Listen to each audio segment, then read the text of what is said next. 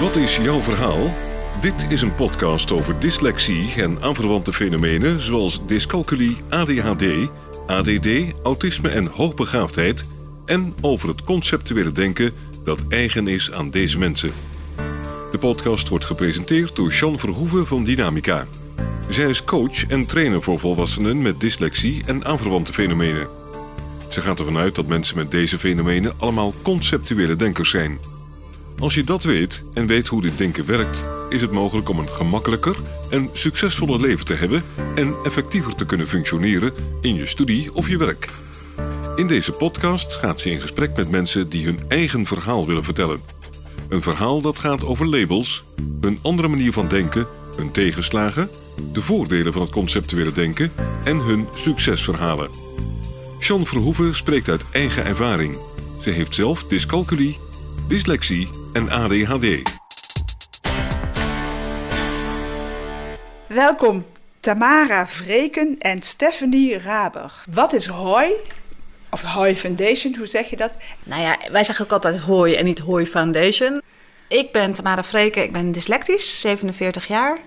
Uh, ik heb drie dyslectische kinderen. Ik ben Stephanie, ja, ook dyslectisch. En uh, ook uit een zeer dyslectische familie. En we zijn eigenlijk HOI begonnen omdat we zagen dat er zo weinig veranderd was. Voor jou waren het je kinderen en voor mij was het mijn nichtje hoe weinig sinds dat wij zelf naar school gingen uh, veranderd is als het ging om dyslexie.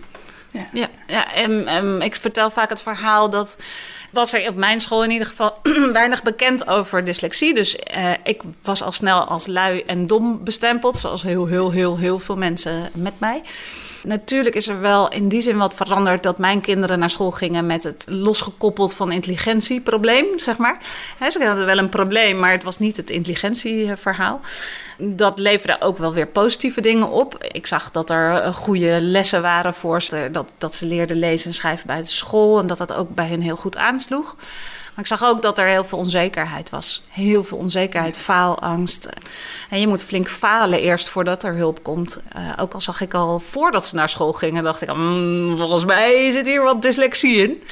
Maar ja, je moet toch eerst door dat uh, falen heen. En in dat opzicht vond ik het dus inderdaad niet zoveel veranderd. Ja wat ik vooral bij mijn nichtje zag, ik was wel al vrij jong, hadden ze door dat ik dyslectisch was, omdat mijn vader toevallig al net een lerares had gehad die eh, over dyslexie had gehoord. Dus die wist het al. Dus toen ik eigenlijk meer fouten en, maakte. En uh, hoe oud is je vader? Mijn vader Ongeveer? is, uh, die wordt 70 ja. volgende ja. ja. Dus, dus, het, dus, toen was, bestond het al. Hè? Heel vaak wordt er gezegd van mijn generatie, dus weer ouder dan Tamara, het bestond niet. Het bestond dus wel.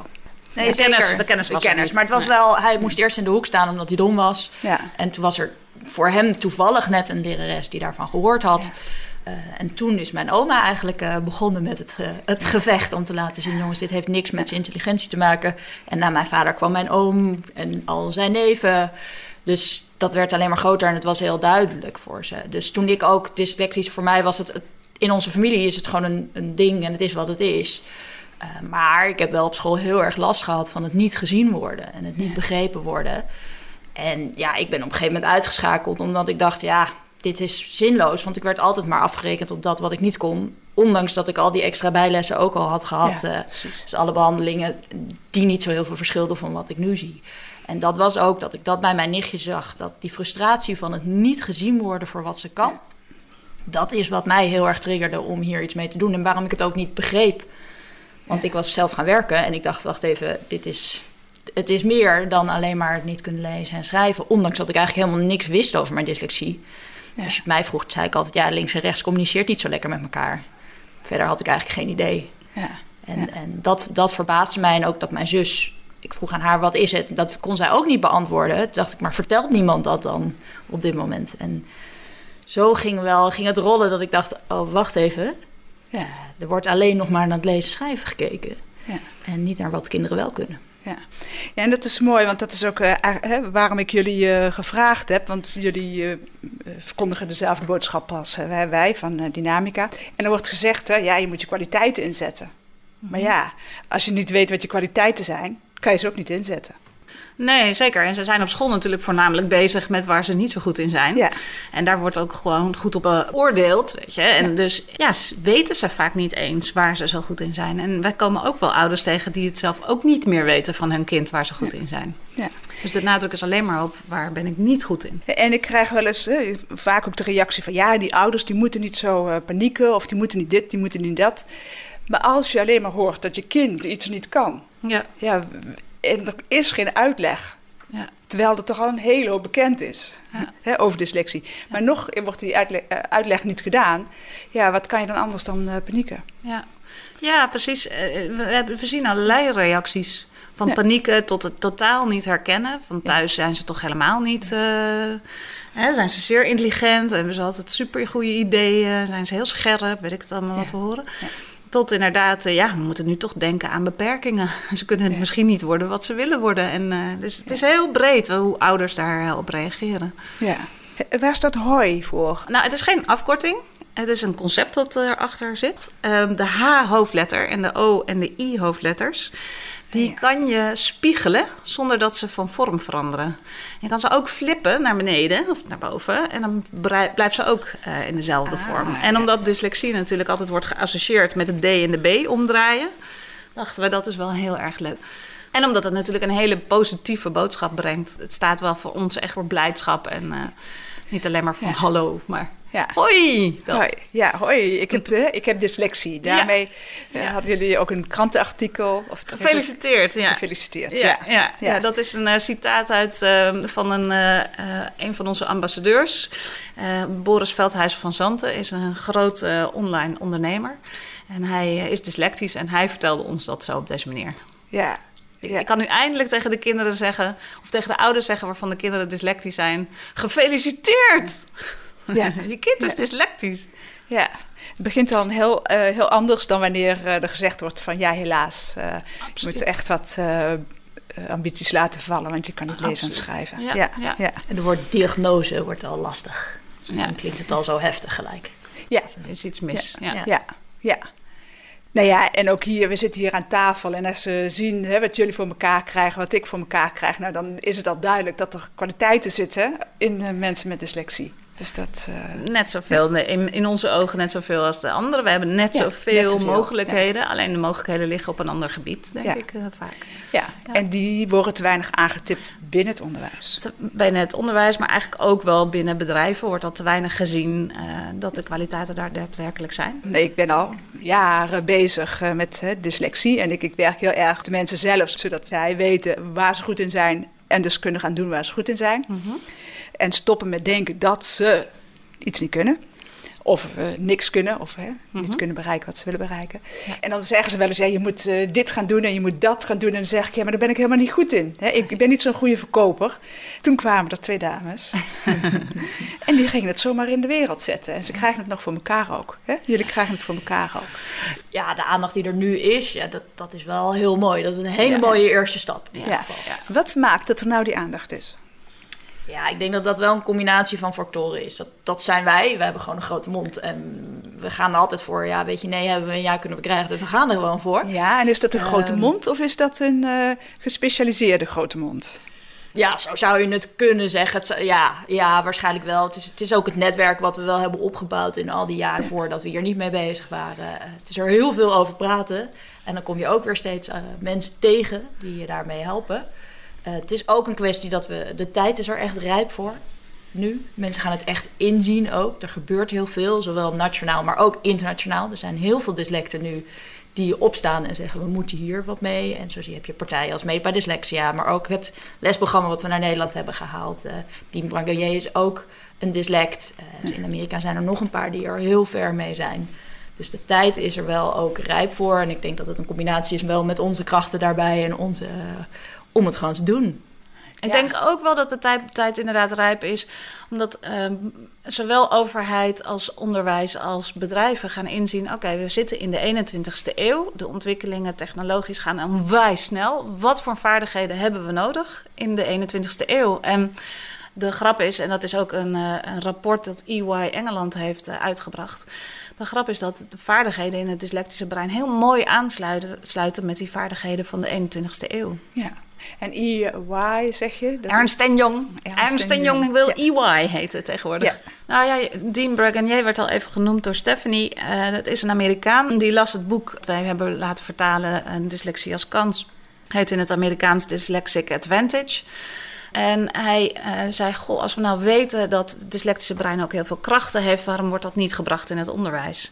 En hij was daar zo fanatiek in dat hij naar Harvard en Boston University is gestapt en gezegd: Kom, laten wij een lesprogramma maken op de dyslectische krachten, uh, zodat die kinderen met meer zelfvertrouwen naar school kunnen. Stephanie kwam uh, op zijn pad, kwam het, kwam het tegen en dacht: Nou, dat moeten wij ook hebben. Dus dan gaat ze gewoon een mailtje sturen en komen we in contact met Dean. En ja, zo was hij heel erg enthousiast. We zijn het uh, eerste land dat uh, de vertaling mocht doen. Uh, en we hebben het met fondsen te kunnen vertalen. Ja. En brengen we het sinds vorig jaar zijn we begonnen met het lesprogramma. Dus we zijn nu anderhalf jaar ongeveer ermee bezig. Ja. En vorig jaar was 2018? 2018, yes. Ja. ja. Ja, En in 2019 is dyslexie als kans uitgekomen. Klopt. De Nederlandse vertaling van? Dyslexic Advantage. Ja. Geschreven door Aiden en Aiden, twee wetenschappers. Die jaren en jaren met dyslecten werkten. En ook zoveel overeenkomsten zag buiten het lezen- en schrijfprobleem. En dachten, hier moeten we wat mee. Eh, zij gaan onderzoeken, zijn allerlei andere onderzoekers gaan, uh, gaan benaderen. En hebben heel veel onderzoeken van hun ook gebruikt. Samengevoegd in dat boek. Ja. Eigenlijk uh, omschrijft zij vier vaardigheden in dat brein. Ja.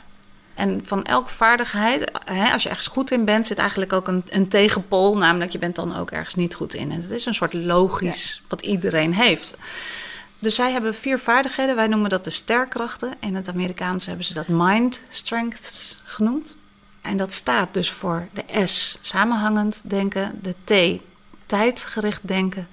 De E, episodisch denken. En de R, ruimtelijk. De S-kracht staat voor, uh, nou, hoe ik het bij de kinderen veel uitleg, is hele goede ideeën hebben. Wij zijn uh, mogelijkheiddenkers. We denken in mogelijkheden. En we vinden het dan ook moeilijk, en dat is dan de andere kant, om uh, dingen weg te strepen. Hè? Te zien van we moeten hierin dit, dit, hier is geen connectie. Want wij kunnen eigenlijk zo breed denken dat we overal wel connecties kunnen maken. Ja. En daardoor zijn we ook verrassend goed in verrassende ideeën de T uh, vooruit kunnen nemen in de toekomst. Dus je hebt een goed idee, laat maar zeggen, als voorbeeld. Uh, je, je, visualiseert het de toekomst in. Je ziet het al bijna in de winkel liggen of in gebruik bij de mensen. Hè, hoe ze dat zullen gaan gebruiken. Zo zie je ook of er problemen zijn en hoe je die zou kunnen oplossen. Dus het is een big picture mindset met heel veel probleemoplossend vermogen. Als je dat de toekomst in kan, kan je dat ook natuurlijk denken terug, de andere kant op in de tijd. Dus het, meenemen in de tijd of terug, terug in de tijd denken. De E staat voor episodisch of episch, wat wij veel voor de kinderen gebruiken. En dat is, mm, wij denken in, ik noem dat verhalen. Ja, een verhalen is niet alleen maar beelden, dat kan ook geur zijn, geluiden zijn. Denken in verhalen is heel specifiek. Dus zij kunnen uh, verhalen bedenken, verhalen onthouden. En zodra er, en dat is dan weer de tegenpol, zodra er geen verhaal aan te koppelen is, zoals de tafels, levert dat vaak moeilijkheden op, omdat ze het niet kunnen onthouden in hun episodisch geheugen. Ja. Maar ja, als je dan realiseert dat ze heel goed zijn in verhalen en je kan overal wel iets omheen verzinnen, uh, proberen wij dat ook echt als kracht in te zetten op school bijvoorbeeld. Dan hebben we de laatste ruimtelijk, nou dat zegt het natuurlijk al, het driedimensionale denken van plat, uh, een platte D-afspraak of een, hè, dat is een D, dit is een D, want zo schrijven we hem, dit is een B, zo schrijven is een plat iets. Maar wij nemen het op in een driedimensionaal uh, beeld en dus kan het draaien. En kan de B is dezelfde vorm als de D. En, en dus we zijn heel erg goed in dat driedimensionale. We zijn wat dan wat minder goed in het tweedimensionale. Ja, het dus valt allemaal maakt, te trainen. Ja, en dat is ook dat we die B als D zien of als P zien. Ja, want die letters staan niet stil. Ja. En niet omdat we onze ogen niet goed eh, werken of weet ik veel wat. Maar gewoon omdat het uh, in ons hoofd allemaal alweer andere vorm aanneemt. Ja, ze hebben ontdekt dat, uh, dat het driedimensionale deel in, het, in de hersenen van dyslecten veelal veel fijnmaziger zijn, veel beter ontwikkeld zijn. Dus ga je automatisch de wereld in driedimensionaal zien in plaats van in een platte uh, omgeving. Ja. Het is ook veel logischer voor ons om dat te doen. Dus, En je kan dat zeker trainen. Het is gewoon een kwestie van mm, ja, in, in inprenten. Dit is nou eenmaal de afspraak. Hier moeten we ons maar aan houden, anders begrijpen mensen ons niet. Maar we zien dus veel architecten, eh, bijvoorbeeld, hè, die natuurlijk superveel driedimensionaal uh, doen. En kinderen met Minecraft, ja. wondervingers, uh, die waanzinnige dingen kunnen bouwen in online uh, spelletjes en dergelijke. En wat ik ook echt wel belangrijk vind en ook altijd zeg, is deze vier krachten kan je verdelen in tien krachten, kan je verdelen in twee krachten. Het heeft allemaal met elkaar te maken. Ik vind zelf vier krachten vrij overzichtelijk. en het is ook niet zo dat alle dyslecten hetzelfde zijn. We zijn allemaal anders. Uh, we zitten hier met drie dyslecten aan tafel en we zullen alle drie totaal anders zijn. We zijn het, ik zie het al uh, gebeuren. Zo, uh, dat betekent dus dat als, die, als we kijken naar die vier krachten, dat bij jou de epische krachten heel sterk zijn en bij Stephanie de toekomst en de samenhangende denkkrachten heel sterk zijn en bij mij meer het ruimtelijke misschien. En zo vullen we elkaar ook weer aan binnen de dyslecten. maar weet je, het is niet zo dat, oh god, ik ken ze niet alle vier, dus dat wordt niks met mij. Ik herken er maar één van de krachten, wat kinderen natuurlijk vaker hebben. Is natuurlijk uh, prima. Ga die ja. dan ook uh, trainen.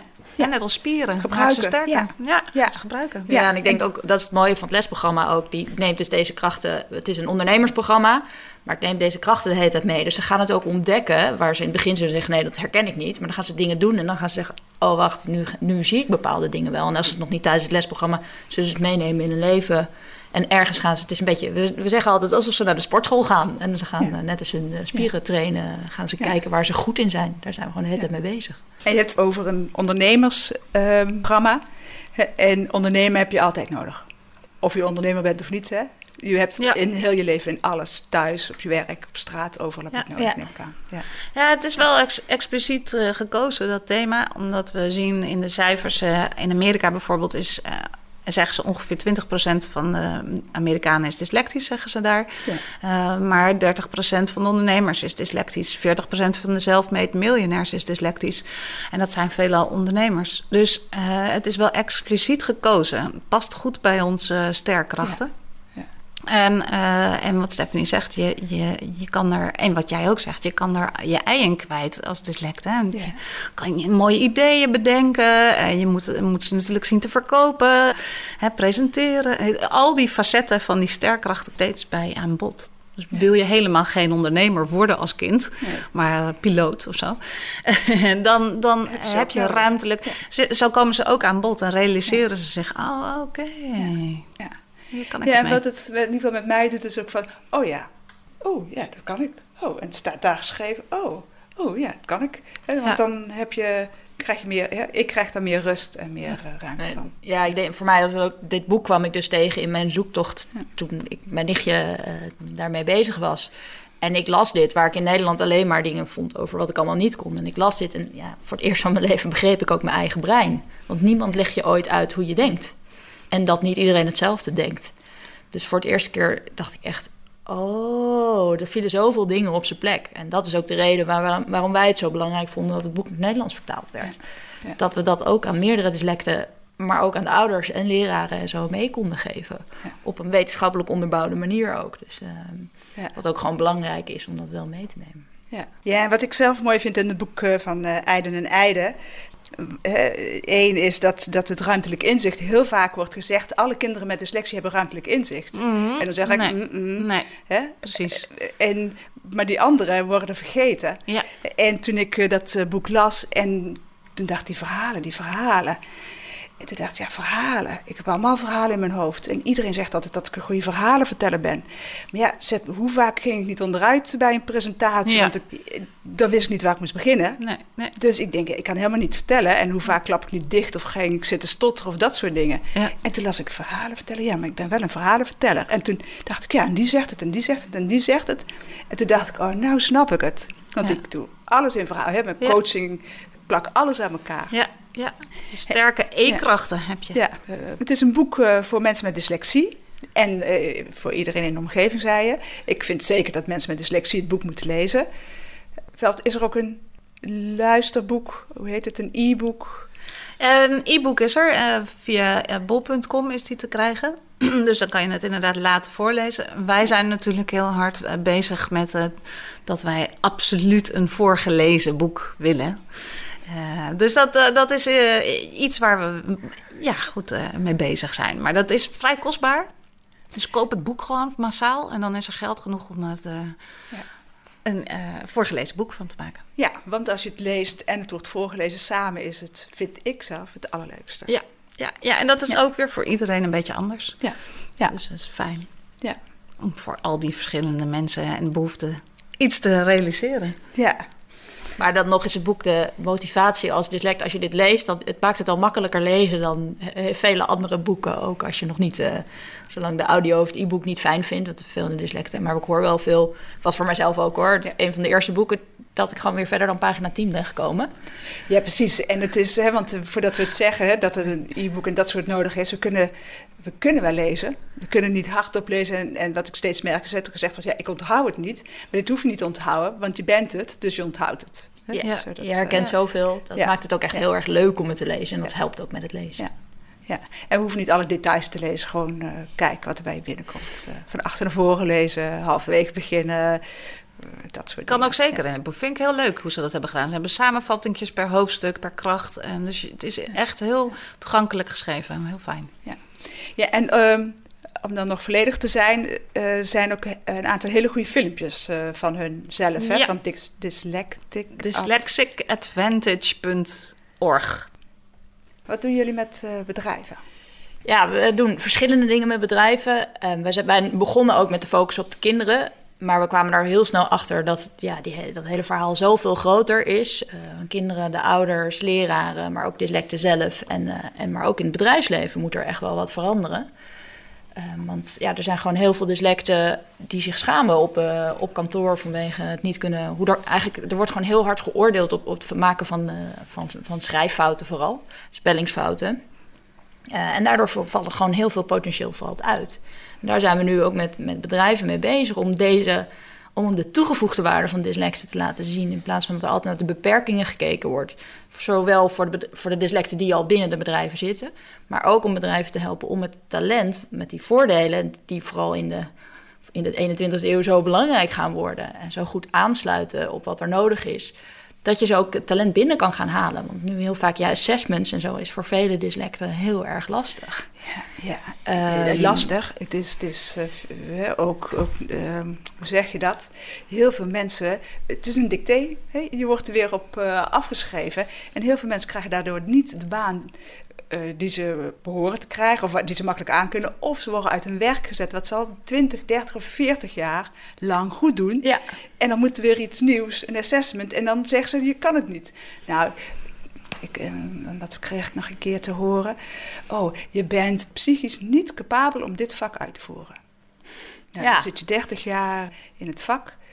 Nou, hoe halen mensen het in het hoofd om dit soort dingen te zeggen? En dan zeggen ze dat wij iets niet snappen. Nee, dus daar zijn wij heel druk mee bezig nu om met, uh, met bedrijven. En we hadden al even over het Ernst Young, uh, het EY-rapport uit Engeland. En wij zijn dus met EY in Nederland nu druk bezig. Maar ook, uh, we doen ook veel inspiratiesessies bij bedrijven om dit verhaal te vertellen. In ieder geval die mindset ook al op te, open te zetten. We trainen HR-teams om dit verder te gaan begrijpen.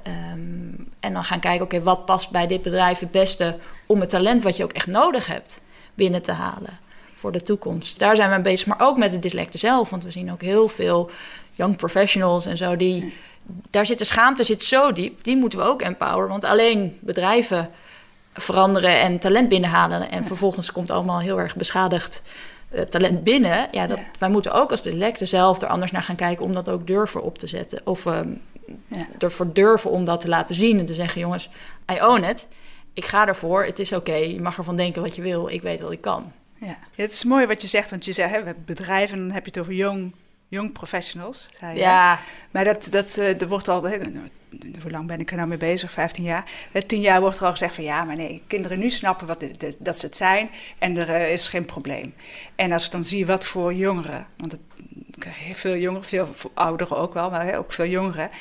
En dan denk ik, ik heb lang gedacht, ik heb het zwaar gehad. Maar sinds een aantal jaren denk ik, nou, ik wil niet meer ruilen met de jeugd.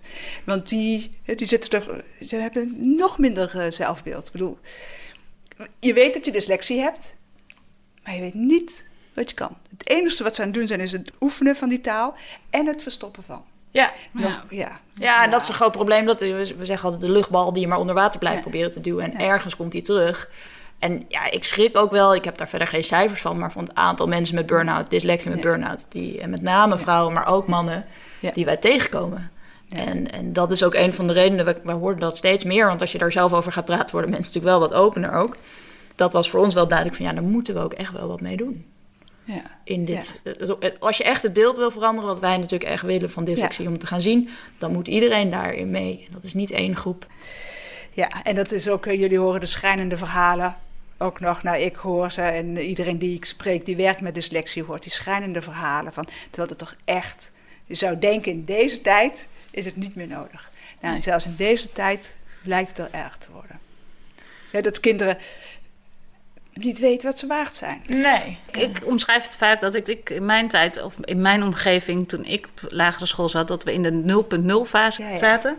Het was niet herkend uh, en niet her. Toen kwamen we in mijn idee in de 1.0 fase. Dat is, oké, het is een stoornis.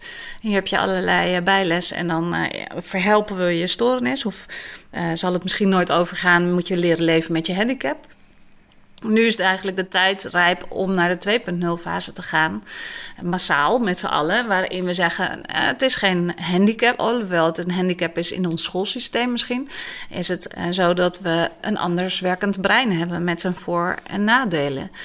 Um, net als iedereen voor- en nadelen heeft als we, als we daar naar kijken, dan, dan vind ik 1.0 fase een hele belangrijke fase. Je kan niet van 0.0 naar 2.0 gaan. Je hebt die 1.0 fase nodig. Uh, waanzinnige onderzoekers die zwaar diep in dat 1.0 fase zijn gaan specialiseren. Dat is dat hele kleine stukje uh, taalverwerking in de uh, linker hersenhelft. Daar moet je ook in mijn idee van alles over te weten komen. Hoe werkt dat? Waarom is het dan een probleem met het aanleren en het automatiseren? Maar laten we nu ook ietsje uitzoomen en kijken wat er nog meer is. Uh, ten eerste is het niet alleen een uh, automatiseringsprobleem. Het heeft ook te maken met het strikken van je veters, wat een moeilijker aan te leren is. Of het is een anders werkend uh, brein. Dus het heeft ook andere uitdagingen erbij ook. Ja. Um, het interessante vind ik van de 2.0 fase is dat het opeens kansen biedt. We, als we kijken naar de 1.0 fase is het een stoornis, een handicap. En biedt dat verhaal geen kansen in de zin van... ja, we kunnen de stoornis zo makkelijk uh, het best mogelijk oplossen voor je. Maar daarna moet je het gewoon maar zelf doen. En blijf vooral in jezelf geloven. Maar ja, als je continu faalt en je niet weet waar je goed in bent. 2.0 fase biedt kansen. Ja. Oké, wacht eventjes. Ik ben dan daar niet zo goed in, maar iedereen is ergens niet zo goed in. En de andere kant is, ik ben ook goed in dingen. Ja. En uh, wat ons betreft ja, moeten we iedereen uh, moeten dyslexie rebranden naar het 2.0 verhaal. Het is een anders werkend brein met zijn eigen voordelen en zijn eigen nadelen. Ja. En wat nodig is in de maatschappij. En een hele, ja, zeker. En wat heel, heel erg belangrijk gaat worden, sterker nog, durf ik ook wel echt uit, te spreken. Ik geloof wel echt, als je kijkt naar die sterfkrachten en uh, als je kijkt naar de 21st century skills, zoals ze dat zeggen, de, de 21ste eeuwse vaardigheden dan zie je overeenkomsten. Flexibel kunnen zijn kan een computer niet. Probleem oplossen kan een computer niet. Creatieve ideeën bedenken kan een computer niet. Dus zo zijn er allerlei vaardigheden die overlappen. Ja. Dus ik denk het echt. Eh, maar eigenlijk geldt het voor alle labels. Ja, het gaat uh, over die manier van denken. Je zegt het mooi, het gaat over alle labels. Hè. Je bent ervan overtuigd dat we mensen met dyslexie zo op deze manier denken. Mensen met ADHD, mensen met ADD, autisme, ja. Eh, hoogbegaafdheid. Dus allemaal lees dat boek. Ga het gebruiken, ga het lezen. Ja, precies. Ga het tot je nemen. Ja, zeker. Mooi, mooi. het interessante daarvan is ook dat labeling eigenlijk dan niet zo erg wordt. Want labels is gewoon dan het andere brein. En niet een negatieve uitleg, wat het nu natuurlijk is. ja. Ja, en die negatieve uitleg, die nekt. Die nekt ons. Ja, en dat moeten we rebranden met z'n allen.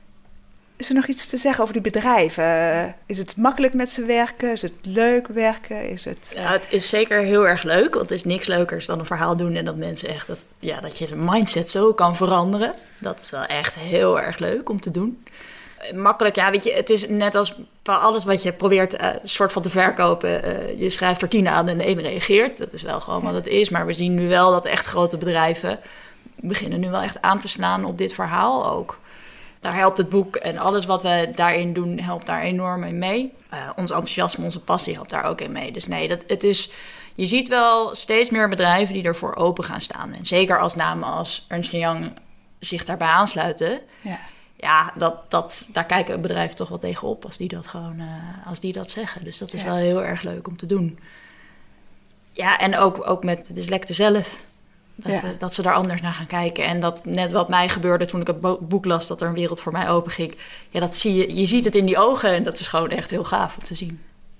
Dat ja. uh... Dit herken ik bij de kinderen natuurlijk heel sterk, waar ik veel mee werk in het lesprogramma, maar ook één op één uh, werk ik wel met ze. En ja, als je, als je ze binnen ziet komen met een, uh, met een kin op hun borst en uh, zeer negatief denkend over zichzelf en over hun handicap. En ze lopen na tien lessen, wat het lesprogramma inhoudt, uh, de deur uit met een uh, button waarop staat: dyslexie is mijn superkracht. Uh, wat is jouw superkracht? Ja, dat vind ik fantastisch. Weet je, dat ze het hervonden hebben. En, er zijn een groot onderzoek overigens aan het doen. Dat is misschien ook wel goed om te zeggen. Yeah. Samen met Koonstam Instituut, dat is het Nederlandse instituut dat onderzoek doet naar het onderwijs van, uh, van de lagere school tot en met de universiteit. Dus ze zijn heel breed. En zij doen met ons een onderzoek uh, naar het lesprogramma over of het uh, daadwerkelijk resultaat resulteert in meer zelfvertrouwen bij deze kinderen. Dus dat betekent in tien weken tijd, wat natuurlijk extreem kort is, want ze zitten natuurlijk al jaren in een soort falende omgeving, proberen wij in tien weken tijd de mindset zo te veranderen dat ze meer zelfvertrouwen krijgen. En dus met meer zelfvertrouwen naar school gaan. Ja. Dat gaan we onderzoeken. Ja, nou, een fantastisch onderzoek. Wanneer eh, denk je dat de resultaten bekend zijn? We verwachten dit jaar, dat is 2019, aan het einde, november, december, zoiets. Misschien al iets eerder. En waar wordt het uh, gepubliceerd? Op onze website, hooi-foundation.nl. En we gaan natuurlijk hier uh, vol mee aan de slag en hopen dat uh, de media dat goed op gaat pikken. Jullie hadden het net over een rapport van Ernst Jong. Heeft dat een naam? Jazeker. Nee, het rapport heet The Value of Dyslexia. De value of dyslexia. Ja. En value staat voor? Ja, de waarde van dyslexie. Waarde, natuurlijk. ik weet dat ze nu ook met een nieuw rapport bezig zijn. Dus dat hopen we einde van dit jaar, van 2019, ook uh, erbij te kunnen uh, zetten. Ja, en die, en die rapporten zijn op, zowel op de, jullie website te vinden als op uh, de website van Dynamica. Ja. ja. Een ander onderdeel, de Dag van Dyslexie. Dat is iets wat in Amerika al uh, jaren bestaat. Dan heet het de Week van Dyslexie. En dat heeft ook een uh, Engelse naam. Ik weet niet of jullie die Engelse naam kennen. Wij hebben hier in Nederland uh, de Dag van Dyslexie gemaakt. Hè. Volgens mij is het gestart door Nel, hofmeester. Ja. Gewoon, georganiseerd. In 2018 is de eerste Dag van Dyslexie geweest in Nederland. Proberen we uit te rollen, ook met de vereniging Impuls Wordt Blind. En in 2018 is de eerste dag geweest. Daar hebben jullie het kinderprogramma gedaan. Ja. Mhm.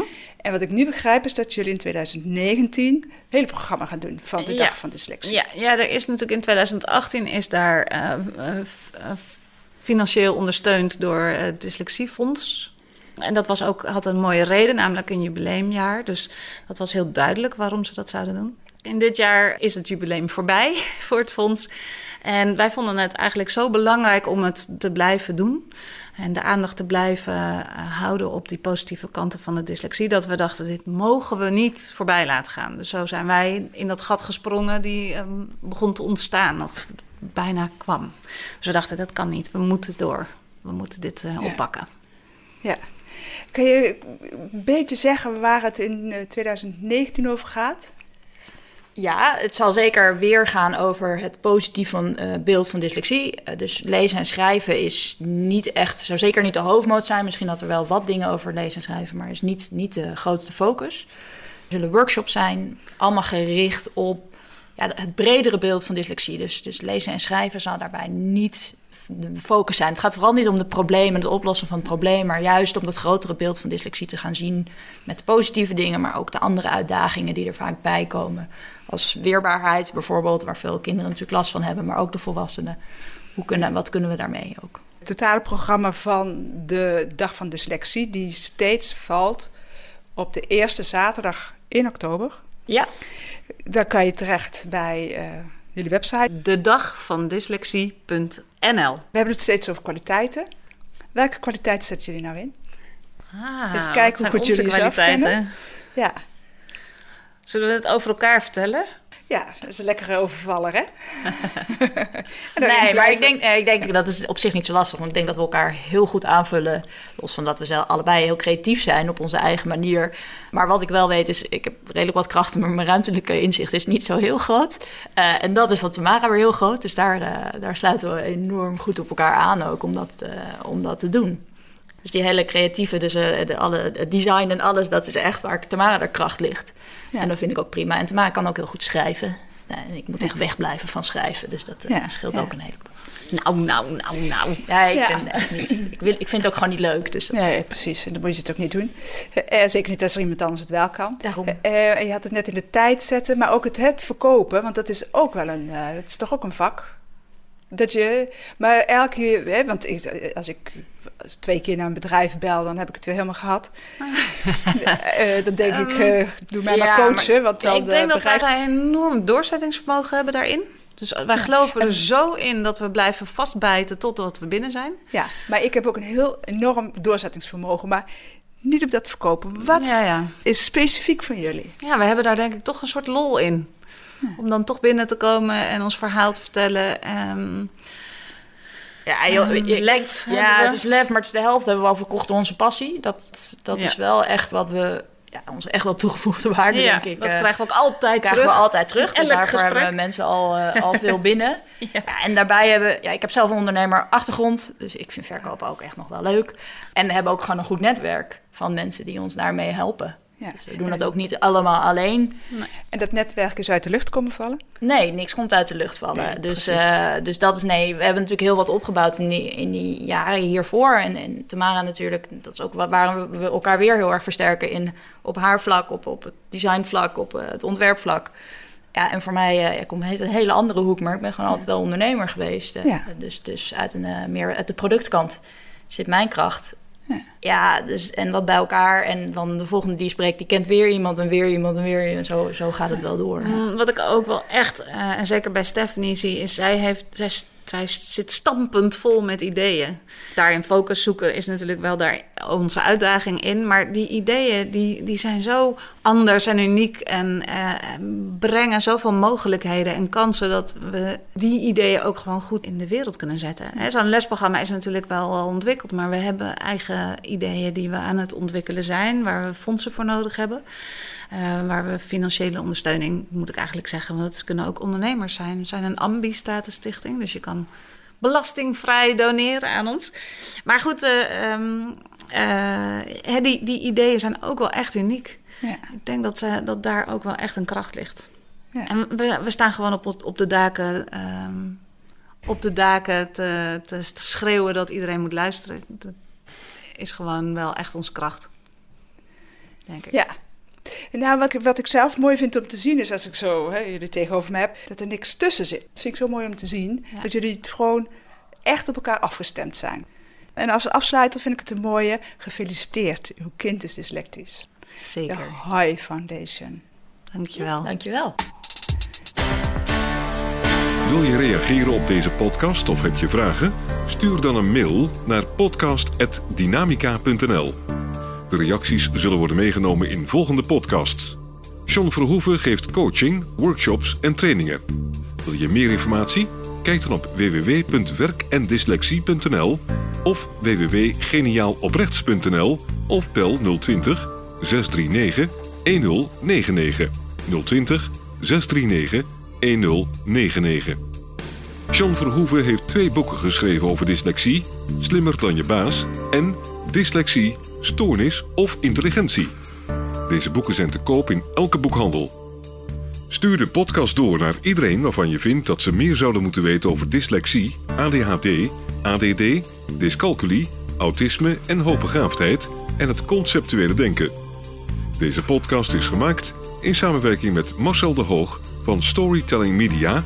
Hij verzorgt de technische, redactionele en morele ondersteuning. Tot de volgende aflevering.